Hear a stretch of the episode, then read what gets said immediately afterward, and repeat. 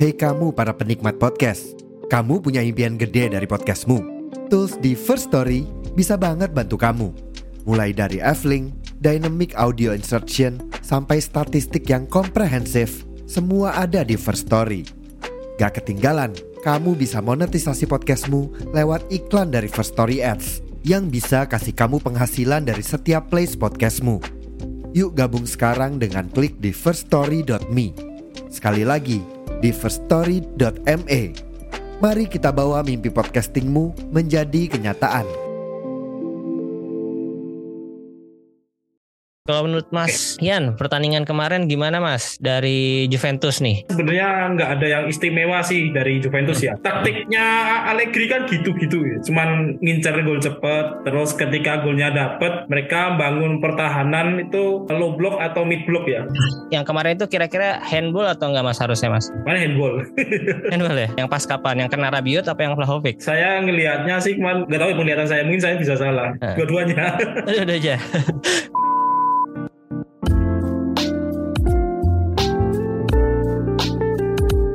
Halo selamat pagi, siang, sore, malam. Kembali lagi di Interisme Podcast Podcast yang bahas berita-berita seputar Inter Yang dikutip dari sosial media dan portal-portal berita olahraga. Apa kabar teman-teman Interisti semua? Kayaknya masih dalam suasana yang kurang baik ya. Karena kemarin giornata terakhir kita kalah Dan setelah kalah langsung jadi internasional. Itu tuh yang paling uh, nyebelin lah ya Udah kalah terus gak bisa nonton Inter lagi dalam beberapa minggu ke depan. Gue hari ini ngetek tanggal 22 Maret Sore hari sambil nunggu ini nih sidang isbat. Karena ya beberapa hari lagi mungkin besok tanggal 23 akan uh, mulai hari pertama Ramadan di tahun 2023 ini. Jadi sebelumnya gue mau ngucapin selamat menunaikan ibadah puasa dulu untuk teman-teman muslim yang menjalankan. Semoga ibadah puasanya berjalan dengan baik dan dilancarkan lah. Oke jadi kali ini untuk mengisi jeda internasional break kalian gue mau mengundang salah satu fanspage dari ya tim yang ngalahin kita kemarin. ngalahin Inter kemarin ya seperti biasa ini udah ketiga kalinya kayaknya gue udah mengundang fanpage dari tim Juve lah ya. Pertama gue pernah ngundang Nora Podcast, terus kemarin kalau nggak salah Juve Garis Tabah. Nah sekarang ada Mas Yan dari akun Juve underscore GL. Halo Mas Yan. Halo, selamat sore. Sore ya. sore. Mas Yan, sebelum kita ngomongin ke Juve underscore GL-nya, kita kenalan dulu di Mas ya sama Mas Yan nih. Mas Yan domisili di mana Mas? Saya domisili Jogja. Oh Jogja, oke. Okay. Nah kalau gitu saya pengen tahu nih sedikit dulu awal mulanya bisa ngefans sama Juve karena apa gitu? Tolong diceritain Mas. Hmm oke. Okay. Ini udah dari dulu sih, dari kecil itu ngelihat salah satu iklan komersial minuman berenergi itu ya, yang ada Alessandro Del Piero-nya itu Salto. Nah dari situ tuh kesannya udah wah kayak ini nih idola sosok yang pantas di idola itu kayak gini nih. Nah, dari situ tuh terus ya anak kecil namanya kecil minta oh minta segala macam minta jersey sampai cari-cari di pasar keliling pasar wah luas banget dulu di daerah Malang pas tinggal Malang. Nah dari situ tuh terus kenal Del Piero doang tapi nggak tahu Juventus hmm. karena masih kecil banget masih SD kelas berapa dulu tuh. Nah setelah itu karena satu dan dua hal putus hubungan dari televisi gitu ya nggak lihat bola. Akhirnya menemukan kembali gairah uh, kejuventusan itu sekitar 2007 kalau ya. Setelah Calciopoli itu ya setelah degradasi terus naik. Nah era-eranya Del Neri itu udah mulai nonton lagi. Terus satu dua match begadang pas SMP itu SMA. Ya baru sekali dua sekali dua match doang tiap malam. Akhirnya terus sampailah di periode sekarang udah udah gede. Sebenarnya ngefans Juve-nya dari dulu cuman tak bener-bener tahu Juve-nya tuh belum lama. Nonton pertandingan terus tipis-tipis lihat analisis terus uh, mulai diskusi sama teman-teman Juventus itu tuh belum lama. Masih era-era kuliah lah era-era mm, mungkin mulai eranya Antonio Conte dari Siena ke Juve itu udah mulai agak sering nonton terus sampai sekarang. Oke jadi cukup jauh juga ya. Awalnya dari karena iklannya Del Piero itu kalau nggak salah iklannya 2002 berarti Mas ya? Atau tahun iya. berapa ya? Pokoknya awal-awal tahun 2000-an kalau nggak salah ya. Iya, iya. Sama Dik doang tuh. Iya, Medik doang. Terus akhirnya suka sama Del Piero-nya, nyarinya jersinya sampai ke pasar-pasar itu saya kebetulan juga sempet tinggal di Malang itu pasarnya pasar mana? Pasar besar apa Ororodowo apa pasar Klojen nih dulu ya? Saya, saya di Lawang. Kalau Oh, di Lawang, saya Lawang. Itu oh. pasar besar kan kota ya? Uh, ini di Lawangnya ya. Oke. Okay. Ya. Jadi kebetulan saya juga pernah kuliah di Malang, jadi lumayan apalah. terus sampai akhirnya tahu klub Del Piero, jadi ikutin Juventusnya, sempat terputus, terus lanjut lagi setelah era-era Juve naik ke Serie A lagi ya Mas ya. Ya, Oke, jadi kalau bisa dibilang pemain yang bikin jatuh cinta sama Juve udah pasti Del Piero ya. oh ya jelas. Waktu Del Piero-nya pindah atau gak diperpanjang kontraknya gimana tuh Mas? Perasaan Mas Yan?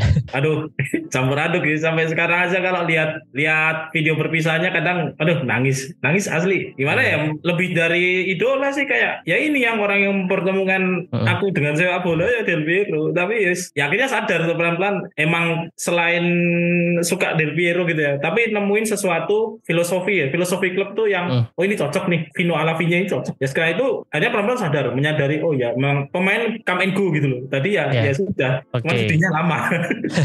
Itu 2011 ya? 11 12 kalau nggak salah. 2012 ya? Heeh, Dia ke Australia. Nah, Oke, selanjutnya kita geser ke akun Juve underscore GL. Ini GL itu garis lucu bukan mas? Iya betul. Bisa garis lucu ya. Nah ini adminnya ada berapa ya mas? Mas Yan salah satunya ya? Iya saya satunya. Totalnya ada nggak berapa? nge-tweet, Tapi nggak pernah nge-tweet. Ada job desk masing-masing kan? oh iya ada. Heeh. Nah Mas Yan ini salah satunya, tapi dari seluruhnya total ada berapa mas? lima enam ya ya kira-kira eh, lima lima enaman lah saya kok agak lupa jumlahnya cuman Eh. kalau orangnya tahu sih Nah itu domisilinya beda-beda nih. Kalau Mas Yan kan di Jogja, yang lain apa di Jogja atau ada di kota lain juga? oh enggak jauh-jauh semua bahkan kami kayaknya seingat saya belum pernah ketemu satu sama lain Ini baru baru ketemu satu orang doang dari semua admin itu Oh jadi ketemunya ya virtual aja kayak gini ya. Jadi yang benar-benar ketemu langsung baru satu orang doang ya Mas Yan ya? ya ha. Oke. Nah, itu awal mulai gimana Mas? Apakah Mas Yan salah satu foundernya juga dari akun ini? oh bukan jadi cerita dari awal gak apa nih Oh, boleh boleh. Saya pengen tahu justru. Nah, ini tuh sebenarnya saya ini dimasukin ke grup-grup anggota grup biasa itu Mhm.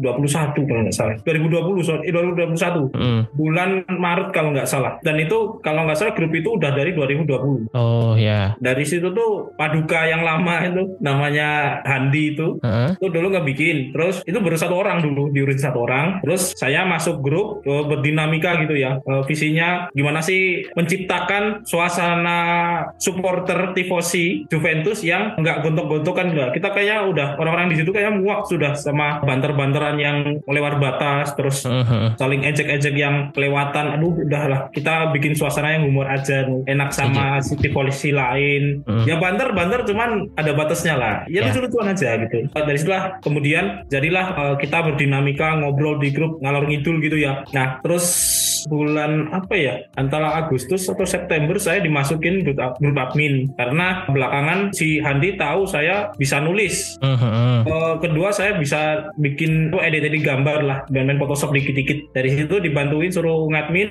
eh, bikin-bikin grafis sama tulis-tulis tipis-tipis sampai sekarang lah kita akhirnya bertumbuh jadi enam orang ini Oke, jadi sekarang totalnya udah 6 ya. Dulu awalnya mungkin masih si Mas Handinya sendiri gitu ya, baru ngerekrut Iya. rekrut teman-teman yang lain gitu ya Mas ya. ya Nah untuk kontennya sendiri nih di Juve underscore GL ada konten apa aja Mas? kami bergerak di tiga platform so far, eh empat satu itu Twitter yang Mhm. nge-tweet itu dua ada di YouTube Mhm. Juventini garis lucu ada Mhm. di Instagram Juve underscore GL sama di website Juventini garis lucu.com ada blognya juga Nah kalau Mas Yan sendiri ini bagian yang Saya biasanya grafis ya, desain grafis, grafis buat posting-posting, terus butuh ilustrasi buat artikel-artikel gitu. oh ya. Masuk di Instagram juga. Kadang-kadang ya editing video juga tipis-tipis gitu. Hmm, oke oke. Saya sebenarnya baru baru lihat yang ininya nih, yang websitenya justru nih. Jadi kan dia ada beberapa artikel lah ya, dan itu artikelnya bisa dari ini juga ya, dari para followers juga ya mas ya? Ya terbuka kok, terbuka. Iya terbuka. Jadi followers boleh ngirimin, terus nanti bisa dimuat di situ ya mas ya? Iya, Oke. terbuka kok. Mas. Kalau yang YouTube-nya itu kontennya isinya apa mas? YouTube tuh dulu ada beberapa segmen. Ada satu namanya prediksi. Mm-mm.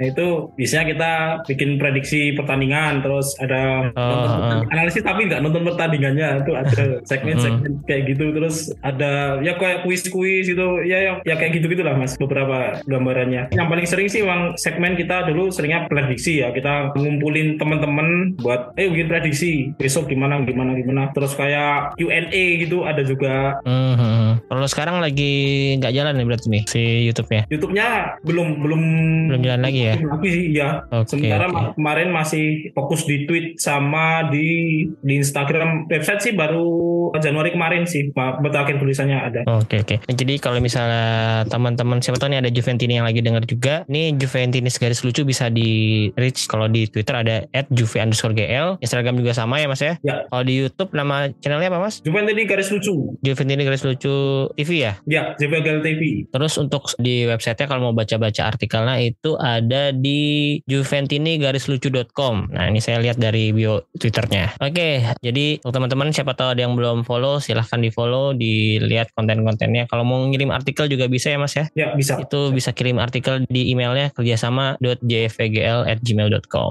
Oke, nah setelah itu kita geser nih ke pertandingan kemarin nih. Coba kita sedikit review pertandingan dulu mas. Kalau menurut Mas Ian, pertandingan kemarin gimana mas dari Juventus nih? Hmm, oke. Sebenarnya nggak ada yang istimewa sih dari Juventus ya. Taktiknya Allegri kan gitu-gitu ya. Cuman ngincar gol cepet. Terus ketika golnya dapet, mereka bangun pertahanan itu low block atau mid block ya. Nah, bisa numpuk pemain di belakang atau di setengah antara garis belakang sama garis tengah lapangan tuh. Nah, dari situ mereka masang blok-blok pertahanan yang kuat, kokoh gitu ya. Compactness-nya dijaga. Nah, dari taktikal memang biasa, tapi ternyata somehow gitu ya. Di situ individu-individu ini semua menampilkan performa yang baik gitu, terutama di lini tengah dan lini belakang. Nah, kita bisa lihat sendiri kemarin yang on fire banget ya. Yang di belakang tuh ada Bremer sama Gatti. Sekalipun Gatti memang menurut saya sendiri eh, permainannya belum terlalu dewasa karena ada beberapa pengambilan-pengambilan pelanggaran yang mungkin agak dalam tahu ada ceroboh gitu ya. Tapi Mhm. sebenarnya dia gerintanya dapat banget sih. Saya suka pemain seperti ini sebenarnya. Kayak perpaduan antara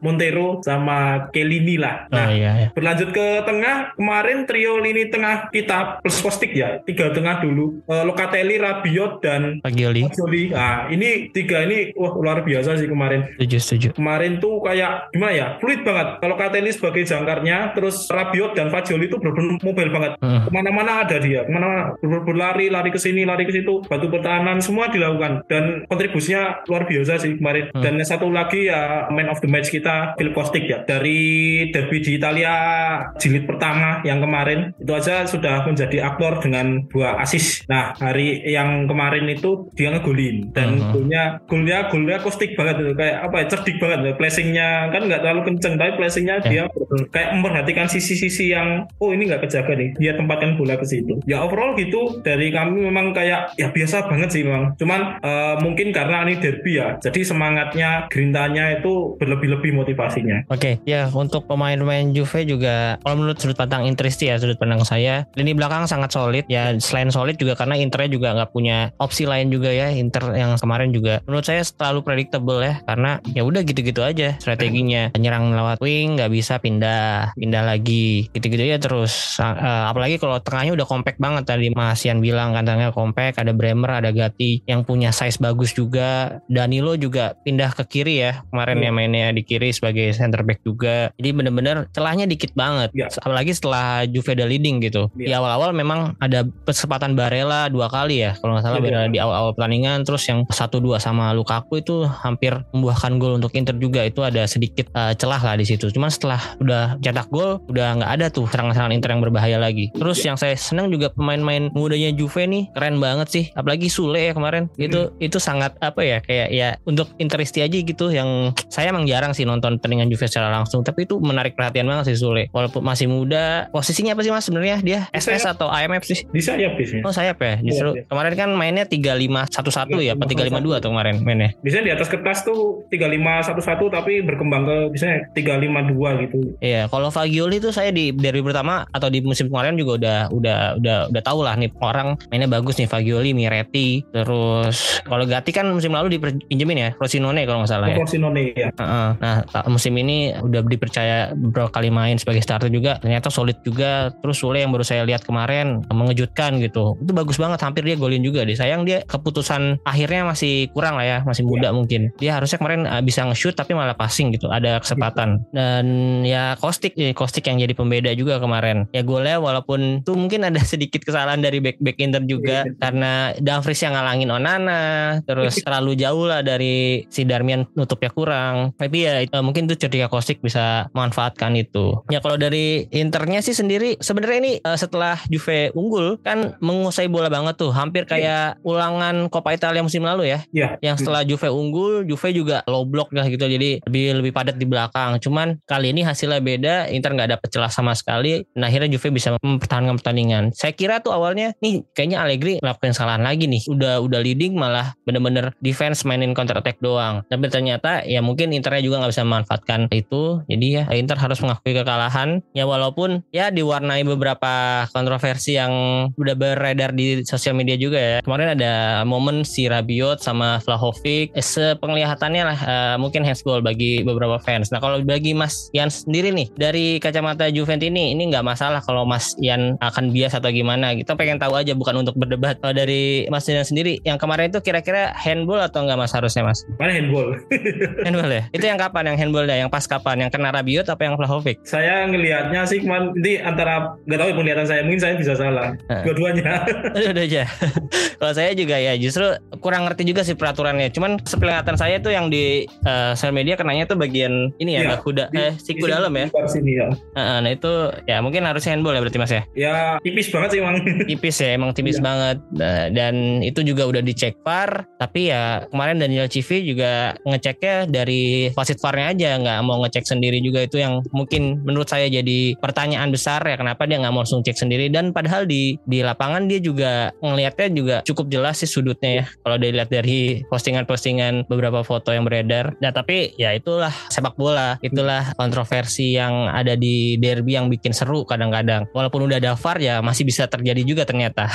Kalau dari pertandingan kemarin ya udahlah sebagai Interisti juga saya udah udah terjadi gitu mau diikhlaskan ya ikhlasin aja gitu udah kejadian kok. Ya paling kalau misalnya ada sesuatu yang harus di itu ya wasitnya kan. Jadi wasit yang mengambil keputusannya. Kalau misalnya emang salah ya paling nanti akan didenda ujung-ujungnya kan atau disuspend gitu. Ya udah saya terima-terima aja. Nah kalau dari pertandingan pertandingan sebelumnya kan banyak banget mas kontroversi-kontroversi juga yang terjadi di derby di Italia yang sebelum-sebelumnya. Kalau yang dari Mas Yan inget apa nih? Singkat Mas Yan nih. Boleh yang merugikan Juve atau yang menguntungkan Juve juga nggak apa-apa. Om, kayaknya ini deh. Tapi saya lupa tanggalnya. Dulu tuh Hmm. Ada yang tiga kali penalti tuh.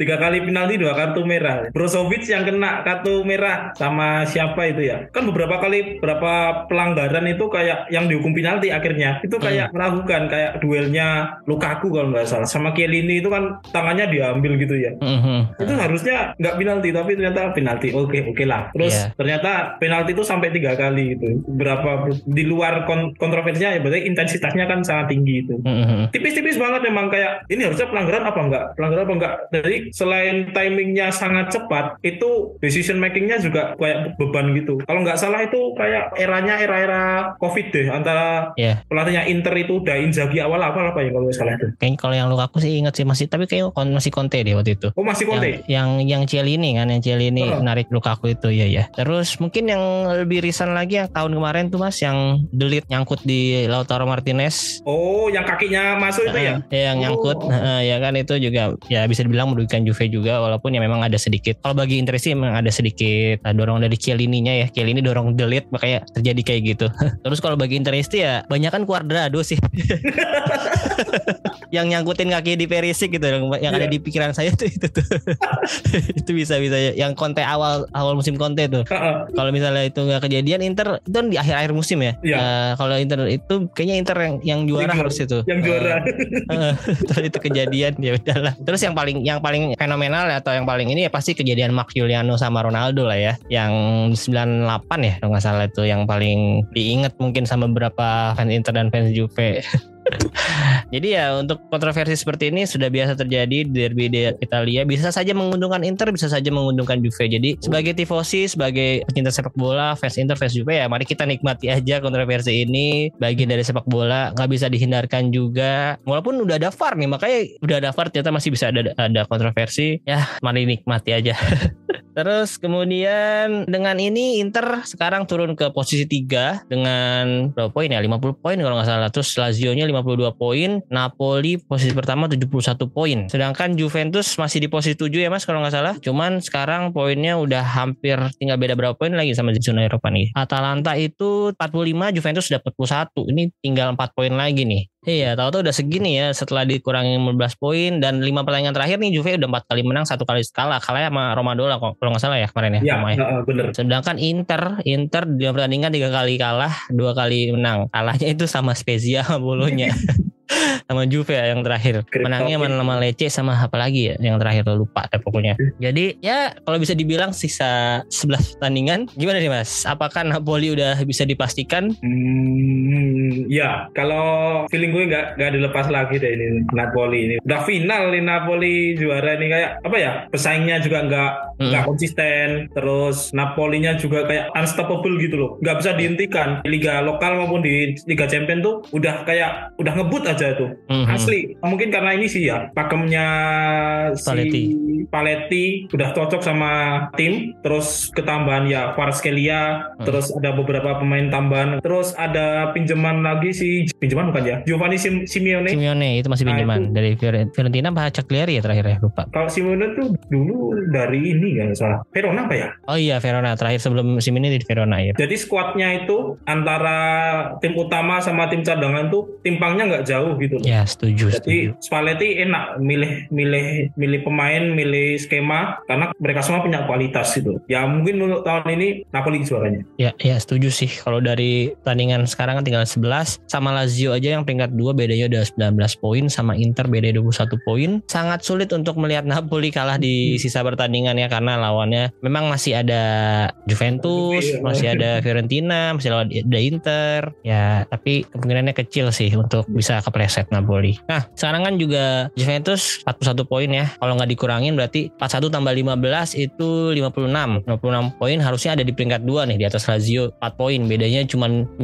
poin sama Napoli berarti harusnya Juventus kalau nggak dikurangin. Nah ini kemarin kalau nggak salah gue baca berita ada berita kalau Juventus sudah mengajukan banding. Ya. Nah sejauh ini bandingnya seperti apa mas? Atau kemungkinannya gimana mas untuk menang banding di Juventus kalau menurut Mas Yan? Kemarin sih aku juga sempat baca-baca beberapa media gitu di beberapa media tuh kayak ada gini, ada satu berita itu dia bilang kalau dokumennya itu nggak nggak nggak nyebutin Juventus gitu loh, dalam dakwaan-dakwaan itu loh. Kurang lebih kayak gitulah. Jadi kalau seperti itu kan ada cacat hukum ya. Nah dengan cacat hukum ini Juve harusnya nggak didakwa gitu ya. Terus ditambah lagi yang ngurusin bandingnya Juve sekarang tuh ya orang-orang kompeten, orang-orang profesional. Jadi ya harapannya tinggi sih ini 15 poin ini bakal balik. Toh juga Juventus nggak sekali ini dapat masalah-masalah Hmm. kayak gitu toh. Ya akhirnya optimis sih selain karena profesionalitas orang-orang yang didelegasikan untuk ngurusin itu juga ada kemungkinan cacat hukumnya di dakwaan itu gitu loh. Tunggu aja bulan depan semoga ada titik terang gitu ya. Pengumumannya kalau nggak salah bulan depan itu. Oh bulan depan ya? Iya Oke, bulan oke. depan kalau nggak salah. Kalau dari beberapa artikel yang Mas Yan baca atau dari berita-berita yang Mas baca, kira-kira persentase Juve menang menurut Mas Yan ada berapa persen? Hmm, 80. 80 persen.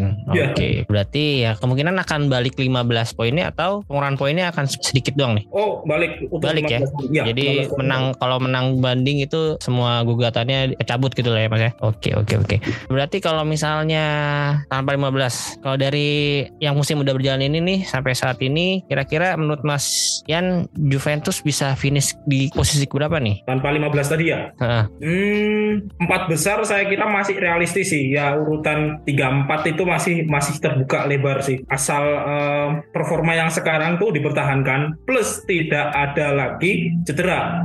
Karena Juventus kan kayak tahu sendiri Pogba ya seperti itu. Hmm, Pogba cedera lagi Mas ya? Cedera lagi. Terus Chiesa juga kemarin kemarin tuh ditarik lagi kenapa tuh dia kemarin? Kiesa itu mungkin agak ada gangguan ya saya kurang paham kemarin kan ada sempat terakhir itu ada benturan kalau nggak salah di kotak penalti sama salah satu pemain defendernya kok saya lupa sama siapa cuman kan setelah itu nggak diindahkan kayak wasit itu oh play on play on oh ya terus setelah itu kok ditarik saya kira Hmm. itu ada gangguan gitu atau tim kesehatannya Juve itu kayak nggak mau ambil resiko lah lagian mungkin pertimbangannya yang lain adalah Kiesa mau diambil eh, timnas buat seleksi Euro kalau nggak salah ya Iya, jadi yang international break ini dia dibawa ya? Akhirnya nggak dibawa Oh nggak dibawa? Ya, meskipun eh, laporan terakhir Kiesa nggak ada cedera apa pun, cuman nggak Oh, dibawa. Preventif aja ya. Ya preventif. Terus Oke. setelah Kiesa cederaan itu siapa tadi Pogba, Milik juga belum belum balik. Plus karena kartu merah Paredes kemarin nggak iya. nggak bisa masuk suspend. Itu kenapa sih Mas? Saya kan udah udah udah udah tahu kalah, udah males nontonnya, udah tinggal lihat tuh terakhir-terakhir. itu kenapa ada kejadian apa sih Mas? Jadi Eh. si Leandro Paredes sama Damrosio kartu merah Adu mulut kayaknya tuh. udah mulut ya. Adu mulut provokasi apa kayak ya adu mulut aja tensi tinggi udah Nah. anu, terus ribut ya itulah. Itu juga siapa Vlahovic Sama Korea ya. Korea juga toh ribut juga tapi nggak di kartu. Yang yang parah emang dua itu. Mhm. Si Paredes emang ngeri Preman. badannya ngeri juga ya kayak preman Argentina. iya, sedangkan Spesialisasinya tugasnya emang gitu tuh. oh iya. sedangkan D'Ambrosio tuh kelimis-kelimis model Iya. Itali doang. Jadi lawannya preman Argentina gitu.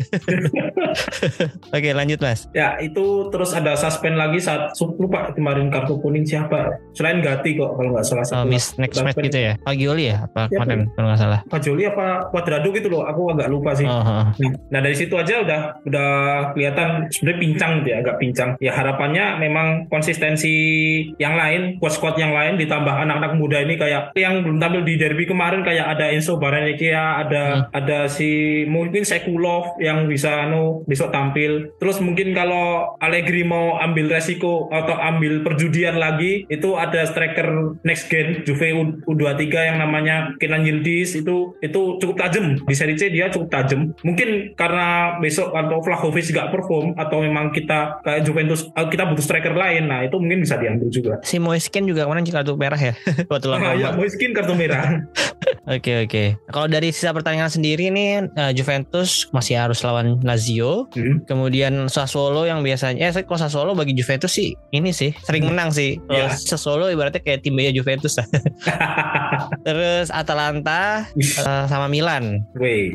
yang agak berat mungkin ya dan sisa pertandingan Juventus. Berarti empat besar lah ya Mas ya. Ya, ya tiga empat lah. tiga empat lah ya sama Milan juga di posisi 4 bedanya cuma 7 poin sekarang Milan 48 Juve 41 jadi memang sangat reachable banget nih untuk Juventus kembali ke zona UCL oke selanjutnya Juventus juga masih harus bermain di quarter final UEL ya mas ya lawan Sporting Ya. Lisbon nah itu gimana mas karena mainnya April nih 14 sama 21 April prediksi mas Yan gimana nih melawan Sporting Lisbon karena kemarin lawan Benfica kurang baik ya lawan tim Ya. Portugal ya gini sih, Juve itu nasibnya jelek banget kalau ketemu tim-tim justru ya, mohon maaf tim-tim agak menengah-menengah gitu. Negara-negara kayak Portugal, terus Hmm. ketemu tim tim Prancis, kayak kriptonit banget lah. Dari kemarin tuh kalahnya sama mereka-mereka mulu. Mm-mm. Yang tahun kemarin sempat kalah lawan Porto, yang tahun lalu sempat kalah lawan Lyon apa Marseille ya? Oh, kalau nggak salah Lyon sih. Terus main lagi Benfica. Nah, sekarang lawan Sporting Lisbon. Nah, ini entah kenapa ya, emang Portugal ini gudangnya tim-tim alot gitu. Mungkin secara taktikal hampir-hampir sama lah, tipikal-tipikalnya. Sporting CP kemarin, kemarin eh, Arsenal ya Ah, ma- Arsenal, tapi Arsenal juga kemarin beberapa eh, dua kali pertandingan juga diturunin tim pelapis juga. Ya, karena mungkin memang mereka udah fokus sama IPL benar-benar. Eh, iya, dari situ dari situ pun sebenarnya mereka nggak gampang gitu loh, nggak gampang dikalahkan. Memang perlu effort lebih lah buat ngebongkar pertahanan mereka. Dan mereka tim Portugal ini alot. Mereka bahkan kayak berani ini, berani adu adu main keras lah, mau adu kaki di belakang, mau gontok-gontokan di belakang, dijabanin. Jadi ya Mourinho banget lah. Mourinho banget lah, kayak pragmatis lah. Mau mau Iya. gimana ya? Ya udah jabanin. Mau di belakang kita main keras, yang penting nggak kebobolan. Atau mau ambil counter atau mau gimana, semua cara dihalalkan gitu loh. Nah untuk hal ini, kalau Juve mau menang, nggak bisa kayak kemarin pas derby doang sih. Step up, mungkin riskan ya. Harus kayak kill the game gitu loh. Bunuh pakai skor, pakai skor yang banyak atau ya dua tiga gitu. Tapi mempertahankan eh, tanpa kebobolan. Itu sulit sih memang melihat gaya permainan Allegri yang sekarang dan squad yang ada. Mungkin karena dua leg ya harus Hmm. pintar berhitung Allegri. Bagaimana menjaga kayak musuh Freiburg kemarin. Nah itu itu saya kira bagus sih memang seperti itu. Harus seperti itu Eh, berhitungnya dua leg. Mungkin leg pertama kan kayak kemarin di kompresnya Allegri. Leg Hmm. pertama mereka cuma menang 1-0. Di leg kedua Allegri bilang kita harus berpikir untuk mencetak gol. Nah dari situ berarti kan Allegri harusnya udah paham. Habis ini merusus Sporting Lisbon harusnya memang memakai pakem yang hampir sama. Kira-kira begitu. Iya, untuk besok Juventus main di kandang terlebih dahulu ya Mas tanggal 14 jam 2 pagi dan itu sebenarnya jadwalnya mungkin padat banget tuh. Kan harus masih lawan Inter juga di Copa ya. Nanti kita bahas di akhir. Terus lawan Lazio, terus di Europa League lawan Sporting, besok kalau Sassuolo, Sporting lagi terus ketemu Napoli, ketemu Inter lagi. Jadi itu cukup padat banget tuh. Gimana menurut Mas Yan ini si Juventus harus membagi skuadnya nih? Karena ini fokusnya sih menurut saya nih di Copa masih bisa menang, di Europa League terbuka lebar banget, di Serie A mungkin masih ngincer posisi empat besar yang sangat realistis. Nah, jadi harus gimana nih menurut Mas Yan? Ya, khusus di UEL, eh, Juventus kemarin bagi punya tim A dan tim B. Hmm. Itu dibagi dua dan skuadnya juga menurut saya lumayan sih. Karena selain tim utama juga ada dipanggil anak-anak next gen U23-nya. Nah, dari saya sendiri kepinginnya di UEL itu dicampur ya, di mix antara yang senior sama yang U23. Jadi mungkin kayak Enzo Baranisia atau si Sekulov atau siapa itu bisa masuk untuk awal-awal dulu lah. Atau kalau sudah unggul, sudah unggul misalnya di menit-menit 60 70 nah, mereka kasih menit bermain yang lebih. Terus di liga dan di Copa, mungkin realistisnya ya di Copa mungkin kita mau full tim gitu ya. Kalau di liga misalnya Masa Solo bisa lah rotasi, hmm. rotasi beberapa main yang bisa anak-anak muda lah. Anak-anak muda ini sebenarnya bagus kok. Iya, saya setuju saya, anak mudanya Juventus bagus, bagus-bagus. Iya, nah itu bisa lah mungkin satu kali tanding saya keinginan saya sendiri ya bisa dimasukin full full anak-anak muda mungkin kecuali kiper dan back tengah ya. Back tengah nanti bisa dicampur lah Gati sama Bremer atau Gati sama Danilo misalnya. Nah itu nanti yang sisanya bisa nanti anak-anak muda kayak Iling Junior juga ada. Terus ya itulah lain-lain juga Mireti Fajoli bisa main juga. Nah gitu sih. Bagi-baginya ada kok skuadnya masih skuadnya masih ada. Cuman yeah, yeah. bagaimana Allegri aja yang mbak mau bagi gimana ya. Oke, sekarang kita balik ke Inter nih Mas. Inter juga masih harus bermain di UCL ya di quarter final yang pertama kalinya semenjak tahun 2011.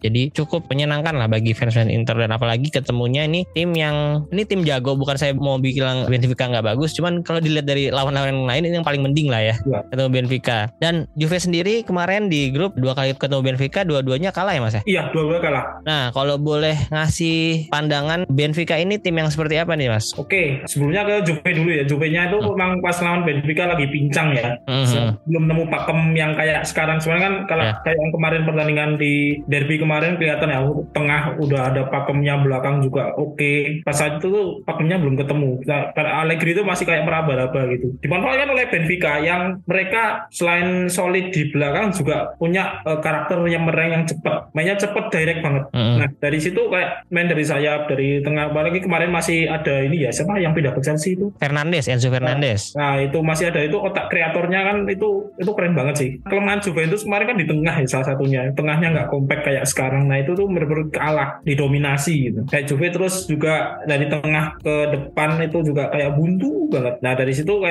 Benfica ini mungkin ya kalau di Portugal yang saat ini Benfica itu yang terbaik sih menurut saya. Ya di liganya juga dia masih jadi pemuncak klasmen sementara ya. Di bawahnya ada Porto, dia 68, Porto 58. Jadi beda 10 poin cukup jauh. 5 pertandingan terakhir menang terus Benfica. Jadi ya memang sangat masuk akal kalau Benfica saat ini berada di quarter final UCL dan performa juga lagi bagus. Baru kalah satu kali di liga.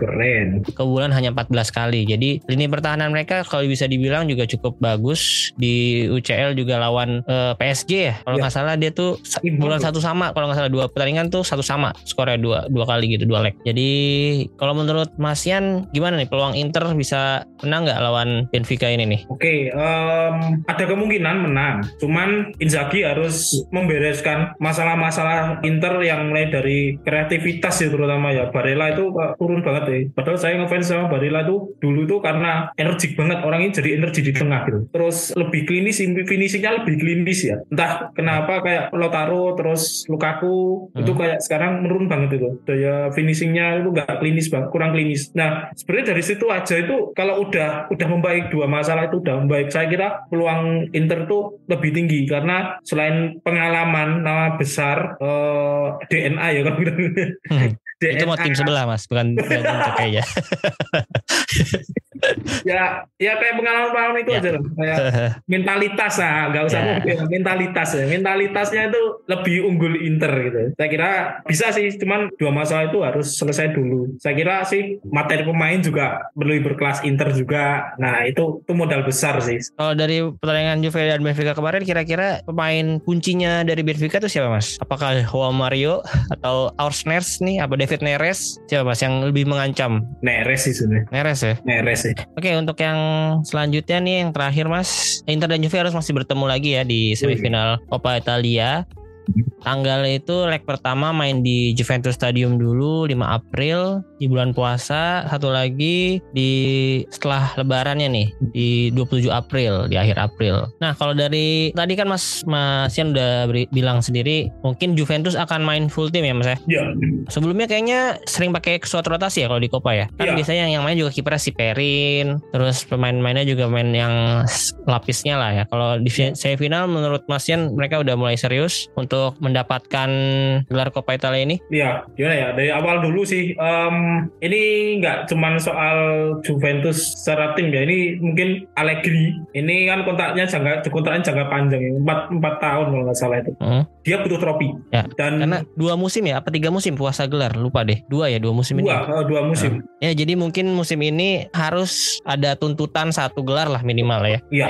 untuk menggaransi posisinya ke depan lah, minimal itu. Gajinya kan lumayan juga kan, gajinya Iya. butuh trofi satu. Yang kedua, em, kayak gimana ya? Ini udah nggak ada kesempatan lagi gitu kayak, kayak di dalam kubu Juventus ini sendiri tuh. Sekarang kan udah terbelah ya jadi dua kubu. Ada yang Allegri in, ada yang Allegri out. Nah, tekanan pihak Allegri out ke Allegri sendiri tuh gede, gede banget. Karena apa? Dia gaji besar, terus so far gak ada prestasi, permainan juga seperti itu. Ini kayak bukan untuk Allegri aja, tapi untuk mungkin untuk squad juga. Dalam hal ini kan ada prestis, ada mungkin hadiah macam-macam. Nah itu itu yang Juve butuhkan dalam periode kalau saya bilang transisi, transisi dari Juve lama ke Juve yang baru. Terus selanjutnya mungkin menurut saya ini bisa lah kalau nggak ada suspension atau nggak ada cedera, mungkin bisa full tim. Apalagi di kandang. Ya. Momentum ini harusnya diambil duluan sama Juve, diambil duluan dalam arti bikin apa ya modal duluan buat tandang. Juve udah membuktikan satu musim ini back to back ngalahin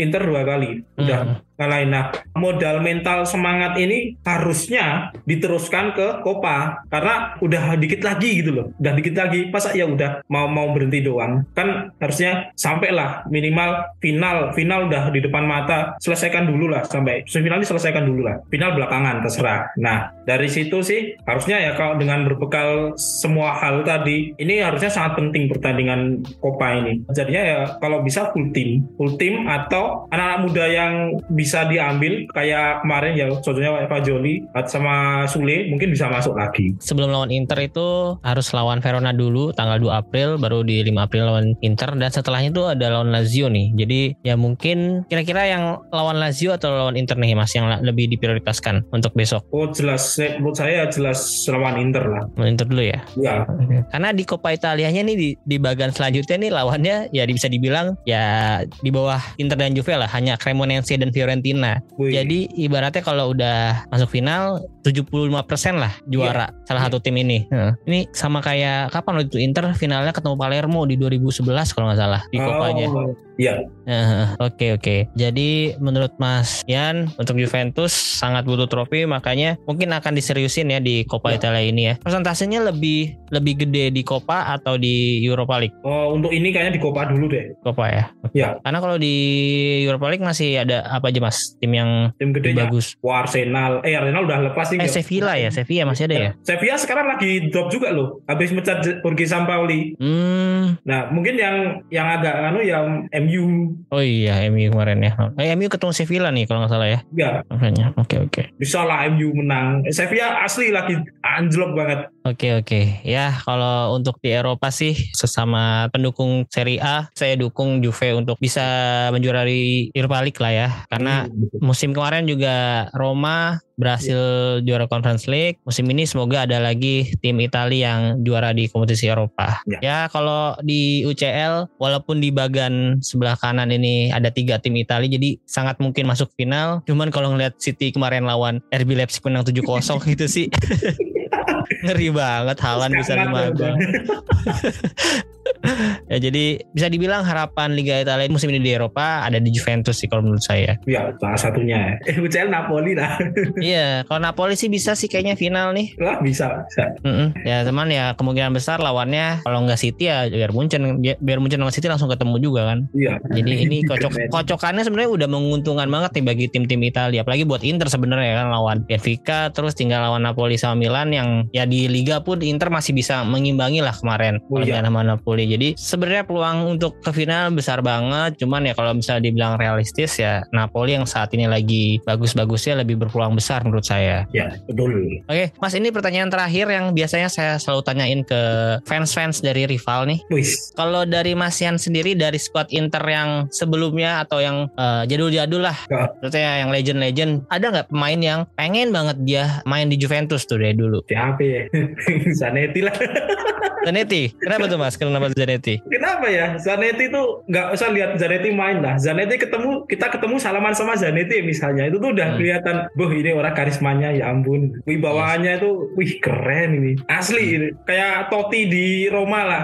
Hmm, ya ya ya. Udah icon banget gitu loh. Terus tambahan kalau yang ini kemarin sih, yang baru-baru ini sebenarnya, yang kemarin juga ada di squad itu. Saya jujur sebenarnya kemingin Milanova yang dari Juve itu. Oh iya, kenapa Iya. Mas? Gue sempat kan sempat diincer kan, kan bek kanan ya. Hmm, hmm, hmm, bek kanan. Bek kanan kita butuh maksudnya bek kanan tuh. Oh Juve lagi kekurangan ya. Kemarin kan yang main Deselio, terus Iya. Cuadrado yang yang mungkin udah sekarang udah udah berumur banget lah ya, udah kurang Iya. efektif. Asli kemarin Villanova masuk nyeruduk ke depan itu, Beuh, aduh ini kemarin apa gak ke Juve ini?